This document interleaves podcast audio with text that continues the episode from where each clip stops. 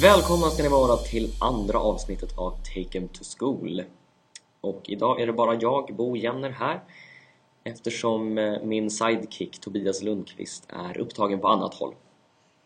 Jag hade dessutom tänkt att det här avsnittet inte ska bli riktigt lika pratigt som det förra utan lite mer eh, faktafokuserat. Så jag får sköta det här själv så bra som jag kan. Jo, idag så tänkte jag alltså gå igenom lite mer i punktform vad molntjänster handlar om. Jag tycker att det första avsnittet var ett, ett trevligt exempel på hur en poddsändning gärna får se ut. Men eftersom det här är en skoluppgift så behöver vi ha lite mer faktauppgifter. Och för det här upplägget så tänker jag använda mig utav den litteratur som jag har redan nämnt i ett blogginlägg men för att vara tydlig här då så är det alltså Cloud Computing for Dummies som är skriven utav Judith Hurwitz, Robin Bloor, Marsha Kaufman och Dr. Fern Halper. Och den utgavs 2010 utav Wiley Publishing Incorporated. Och vad säger de om molntjänster? Jo, de beskriver molntjänster som en utveckling där alla möjliga tjänster och produkter kan erbjudas när och var som helst. Ja, ungefär när och var som helst. Och istället för att man köper en statisk produkt, vill säga att man beställer hem ett program till exempel eller att man ber någon komma och göra en viss sak, eh, så kan molntjänster enkelt användas mer eller mindre vid behov. Och kunder kan enkelt sköta det här själva.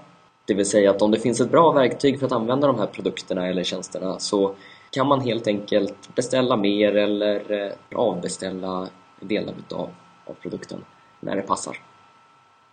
Och det här att kunna erbjuda kunder tjänster och produkter på deras villkor och med större flexibilitet kan beskrivas som kärnan i utvecklingen, det vill säga att det är, det är av den anledningen som vi, vi har mål, eller att vi ser den här utvecklingen med molntjänster idag. Det är en marknadsanpassning kan man säga. Eh, och Cloud Computing for Dummies listar fyra punkter som sammanfattar molntjänsters karaktär. Eh, dels så behöver de 1. Kunna användas när som helst, hur ofta som helst och av hur många som helst. Nummer två är att kunderna ska kunna styra användandet själva. Och det sker helst genom användargränssnitt som man når genom sin webbläsare. Och nummer tre är att det behöver finnas API-er. API står för Application Programming Interface som gör att man enkelt kan få andra program att arbeta med tjänsten. Det vill säga, om jag bygger ett program så behöver det finnas en utarbetad teknik ifrån leverantören som gör att det enkelt går att få mitt program att arbeta med deras tjänst. En del av oss har varit inne på det här i en annan kurs som heter Programmering för webben där vi har pratat om att bygga in Google Maps till exempel. Och Google Maps är ju en molntjänst och Google har byggt ett API för att man enkelt ska kunna koppla ihop det med sin egen tjänst. Nummer fyra är att man betalar efter användning. Alla tjänster behöver man inte betala för såklart. Men i de fall som man ska betala för tjänster så gör man det på samma sätt som man betalar för till exempel ström. Det vill säga att man har en, en mätning av hur mycket man har använt. Eller att man köper just bit för bit. Och det här har att göra med att molntjänster ska kunna vara elastiska och flexibla, det vill säga att man enkelt kan anpassa eh, användningsmängden. Cloud Computing for Dummies delar också in molntjänster i tre typer. Pratar då om infrastruktur som tjänst, plattformar som tjänst och mjukvara som tjänst. Och det här är inte någonting som de har hittat på utan det här är begrepp som används idag och när man börjar eh, arbeta med molntjänster eller leta information så kan man stöta på förkortningarna IAAS, PAAS och SAAS. Och det är alltså Infrastructure as a Service, Platforms as a Service och Software as a Service. Och den första då, infrastruktur som en tjänst, innebär att man hyr till exempel lagringsutrymme, nätverksteknik och processorkraft. Ofta så är det hårdvara som man hyr över nätet. Exempel på det här är serverhallar, webbhotell och datacenter. Men de blir ju inte molntjänster då om man inte erbjuder ett webbaserat gränssnitt för att hantera användningen utav dem. Plattform som tjänst innebär att man betalar för utvecklingsverktyg som alltså hjälper en att utveckla till exempel programvara och hemsidor. En utvecklingsmiljö som en del av oss har arbetat med är Eclipse som används för att bygga Java-program. Eh, och det här är alltså den sortens verktyg som erbjuds i de här fallen.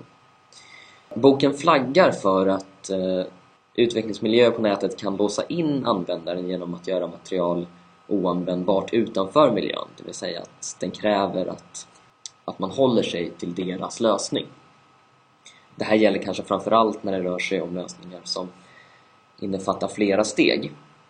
Force.com till exempel eh, som eh, erbjuder lösningar för att eh, skriva eller bygga applikationer på nätet som ska hjälpa företag med deras kontakt med kunderna och att dessutom distribuera, distribuera de här applikationerna.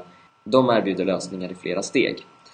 Och när man då har ett system som är så helgjutet där man ska flytta saker från ett ställe till ett annat så är det ofta enklast att, att anpassa format och lösningar efter sitt eget ramverk och att inte ta hänsyn till hur saker ser ut utanför det.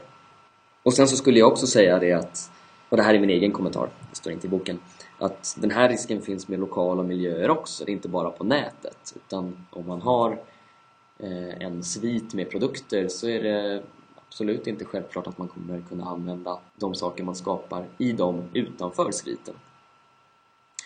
Eh, men jag skulle nog påstå att, att risken har blivit större på nätet. Entreprenörer utnyttjar nya områden för att lansera sina egna helhetslösningar. Just för att det inte finns några standarder och att man inte har använt det särskilt länge. Det finns ingen erfarenhet på området. Så att då är det fritt fram. Och eh, mjukvara som en tjänst är väl det som man kanske är mest van vid att se. Det är de som har eh, fått mest uppmärksamhet bland vardagsanvändare. Eftersom till den här kategorin så hör webbmail, sociala nätverk som Facebook och Twitter, Spotify, Vodler, helt enkelt program som man använder över nätet. Och ett problem med mjukvara över nätet kan vara att det är svårigheter att integrera lokala program med de här molnprogrammen. Vilket alltså liknar risken för att bli låst till en utvecklingsmiljö som jag nyss nämnde. Det här är förstås inte allt som kan sägas om molntjänster men det är det som Cloud Computing for Dummies går in på i sin grundläggande beskrivning utav dem. Och jag tycker att den är ganska bra. Jag har ännu inte bestämt vad nästa avsnitt ska handla om eller om det blir fler än ett till. Så vi får helt enkelt vänta och se lite grann. Jag hoppas att det här var ett berikande avsnitt och att ni lyssnar igen nästa gång. Till dess, ha det bra!